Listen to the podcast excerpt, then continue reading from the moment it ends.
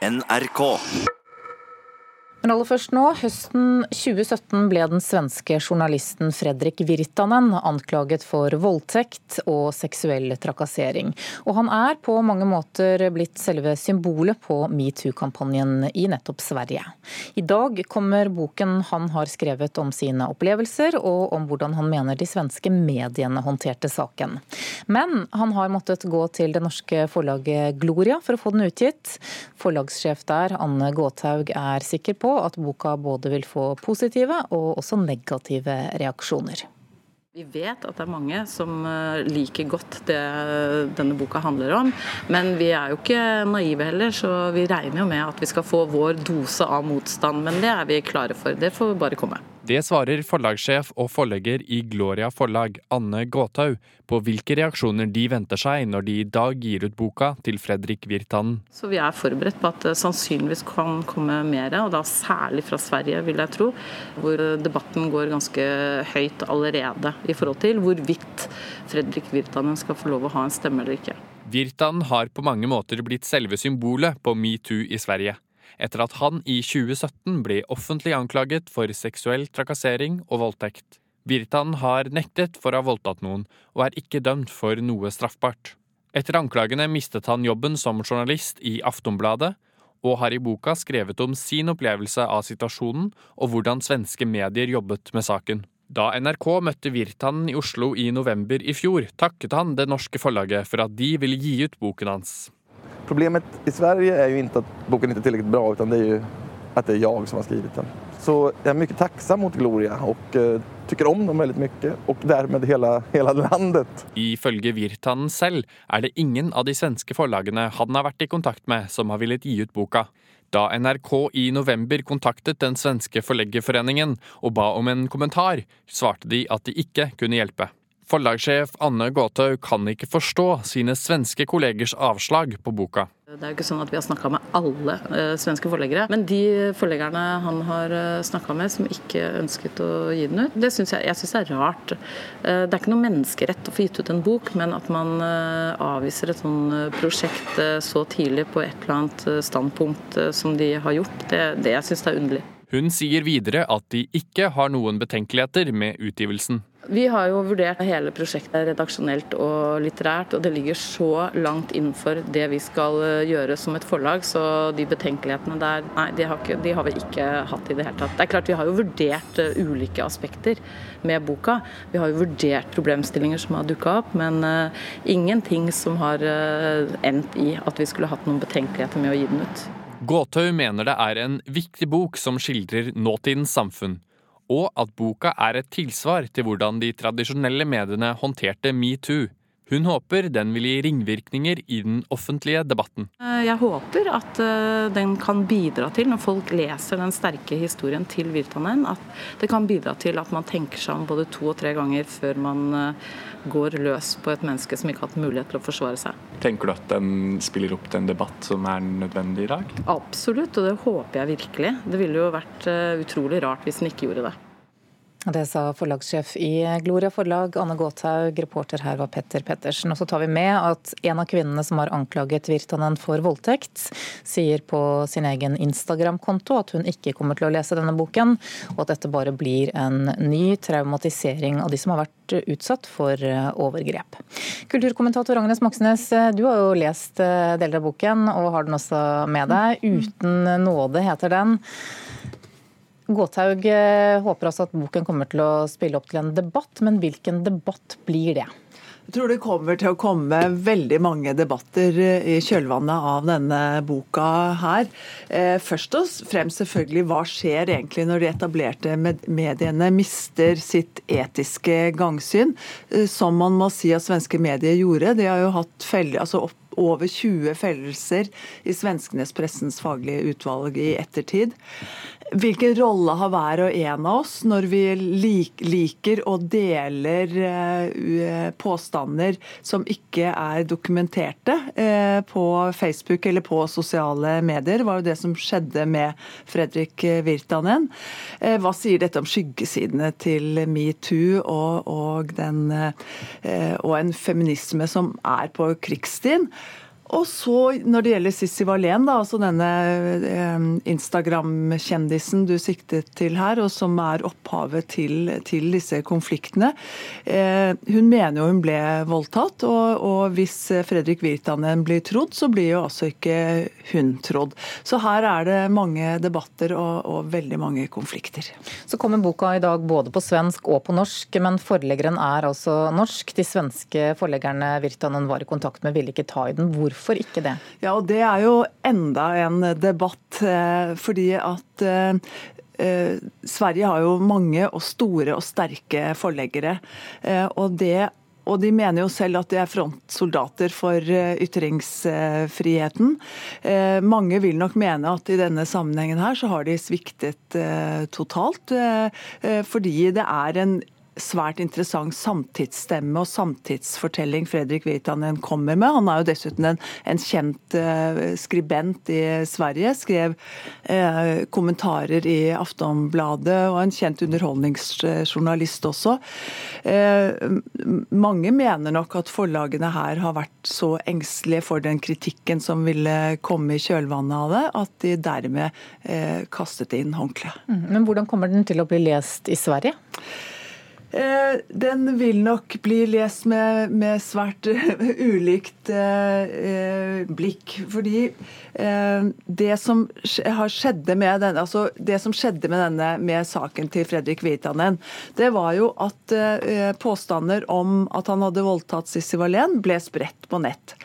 Eh, i ettertid så er på en måte Sverige litt i sånn post eh, eh, bl.a. etter fellelsene i pressens eh, faglige utvalg. Og en del mennesker angrer nok på at de delte og likte disse beskyldningene fra Sissi Wallén. Fordi de ikke var bekreftet? Fordi de ikke var bekreftet. Og mange av dem vil nok finne navnet sitt i denne boken her. Bl.a.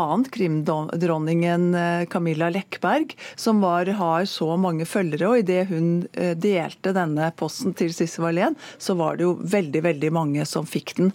Og, og eh, også skuespiller Mia Skjæringer, som spiller i Solsidan, som mange kjenner henne fra. Sånn at det er navn som dukker opp i denne boken, og de kommer nok til å lese den med et spesielt eh, blikk, da. Dette er jo en av de første bøkene i Skandinavia som kommer i kjølvannet av metoo-bølgen. Den er altså skrevet av en mann som selv vil kalle seg et metoo-offer. Kommer det flere slike bøker? Ja, det har vært ganske mye hemmelighold rundt disse utgivelsene. Bl.a. Fredrik Virtanen også. Han har jo vært veldig tilbakeholdende med å uttale seg. Men det kommer to bøker til nå i vår. Det ene er, altså Begge to er fra Svenske Akademien. Katarina Frostensson, eh, hvis mann ble dømt til to års eh, fengsel for nettopp overgrep, seksuelle overgrep. Og Horas Engdahl, den berømte 'stendiga sekretæreren'. Sånn at nå kommer også deres eh, fortellinger. Eh, det som er interessant med alle disse tre bøkene, er jo at de har skrevet av glitrende forfattere og skribenter. Takk skal du ha, kulturkommentator Agnes Moxnes. Og du kommer tilbake i Nyhetslunsj eller Nyhetsettermiddag i P2 og anmelder boken? Jeg skal ikke anmelde den, men vi kan iallfall si litt om hvordan det har vært å lese den. Ja. Vi skal fra Sverige til Norge nå, for her har vi jo Riksmålsforbundet, og så har vi Norges Mållag og Landslaget for språklig samling. Men nå får vi også en fjerde språkorganisasjon her i landet, og den skal kjempe for det radikale bokmålet. Her skriver Lars Viker og Arne Torp under dokumentet som formelt stifter Foreninga for radikalt bokmål i Norge. Men hva er egentlig radikalt bokmål? Det er eh, en variant av bokmål. Det er ganske stor eh, variasjonsfrihet eh, i bokmål. Det er mange former en kan velge mellom. Radikalt bokmål er de formene som kanskje ligger mest mot vanlig talespråk, altså dialekter og talemål rundt omkring. Det forteller Hans Christian Holm, som er nyvalgt leder for Foreninga for radikalt bokmål. Og her har du noen eksempler på hva radikalt bokmål faktisk er. Ja, det typiske er jo diftonger og eininger. Kasta og grein og sein, og så er det ord som sjøl og trur og sånne ting. Fra før finnes det flere språkforeninger i Norge, og da lurer du kanskje på hva vi skal med enda en forening? Det var flere som var enige om at vi trengte eh, en forening som jobba bare med radikalt bokmål. Hvorfor det? Fordi det, vært, eh, det, er et behov for det. Fordi det er mange som eh, blir mer eller mindre undertrykt. Det er mange som ikke veit hva det er lov å skrive. Undertrykt høres ganske ille ut, da. Ja, noe må man kalle det. Eh, men det skjer jo stadig at folk blir retta på.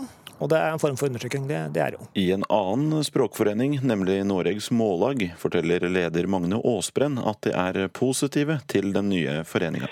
Ja, jo flere som har et gjennomtenkt holdning til norsk språk og til skriftspråket de bruker sjøl, jo bedre er det. Og Sånn sett så er det positivt. Så er det jo sånn at, at Noregs Mållag legger seg opp ikke opp i normeringa av eh, bokmål. Det får eh, bokmålsskriverne ta seg sjøl. Og, og, og hvis en er på jakt etter et skriftspråk som, som speiler dialektene over hele landet, så er uh, nynorsken best, mener jo vi.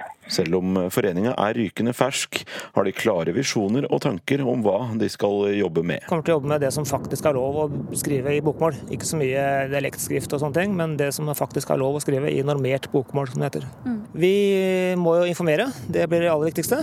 Uh, og forklare hva som er lov å skrive, og debattere rundt det. Forskjellige kanaler. Drive er nok det viktigste vi skal jobbe med. Hvordan vil dere gjøre det? Vi kommer til å bygge opp nettsider, og vi publiserer ting rundt omkring i digitale medier. Kanskje skrive noen kronikker, alt mulig rart. Reportere her Helle Therese Kongsrud og Anders Bakkerud Larsen. Ibsens kvinner tematiseres til stadighet i norsk scenekunst. og I helgen var det premiere på et helt nytt verk av den kjente norske koreografen Ingunn Bjørnsgaard i Operaen i Oslo. München-trilogien tar for seg tre av Ibsens kvinner. Vi skal høre litt fra premieren. Jeg så jo for meg at jeg skulle gjøre min lykke her. På den ene eller den andre måten. Og jeg kunne ha drevet igjennom hva det skulle være. Jeg kjente ingen hensyn å ta. Men vi hørte skuespiller Andrine Sæther, litt av det i hvert fall, i München-trilogien her. Karen Frøsland Nystøyl, teaterkritiker her i NRK. Hvilke av Ibsens kvinner er det som danses i denne balletten? Det er Rebekka West fra Rosmersholm. Så er det Elida Wangel fra 'Fruen fra havet'. Og så det som vi hørte her, er Hedda Gabler. Selveste Hedda Gabler. Eh, og grunnen til at disse tre kvinnene er satt sammen i denne forestillinga her, det er at Ibsen skrev disse tre dramaene mens han bodde i München på, på slutten av 1800-tallet. Derav München-trilogien. Og det er Camilla Spitzø som danser alle disse tre, med en liten sånn kostymeendring mellom hver del. Eh, og så er det Ole Willy Falkhaugen som er hennes eh, mannlige motdanser da, i disse ulike stykkene. Eh, hun har med seg Camilla Spitzøe har med seg en strykekvartett på scenen, og så er òg Andrine Sæther med, som vi hørte her. Mm. Er det en god forestilling? Ja, alt skulle jo tilsi at det er en god forestilling. Eh, det er så høyt nivå på samtlige aktører, eh, men den er for kort.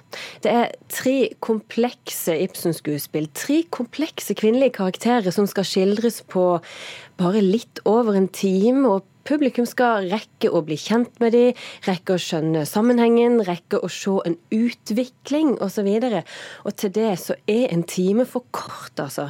Um, så problemet med denne forestillinga, om den er aldri så fin, for den er veldig fin, det er at vi kommer aldri i dybden på noen av disse tre kvinnene. Kanskje Hedda Gabler, fordi henne hun kjenner meg ganske godt fra før. I hvert fall gjør jeg det, da, som har sett Hedda Gabler flest ganger av disse tre skuespillerne her.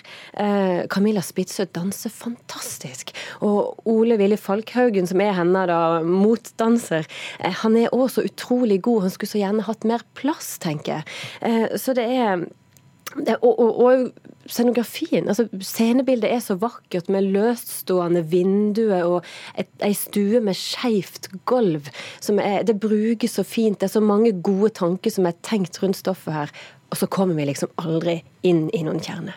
Det er mange forestillinger som eh, tematiserer Ibsens kvinner for tiden. Hvorfor er det slik, tror du? Ibsen skrev jo fram mange, mange sterke og interessante kvinnelige karakterer.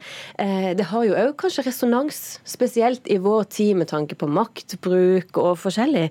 Bjørnsgaard Bjørnskår sjøl, som har koreografert denne her, har jo laga forestillinger om Nora og Hedda før. Hedda Gabler i Marit Moum Aune sin regi danses òg på operaen nå. Eh, Knausgård har skrevet et verk om Solveig som venter, som skal åpne Festspillene i Bergen nå i mai.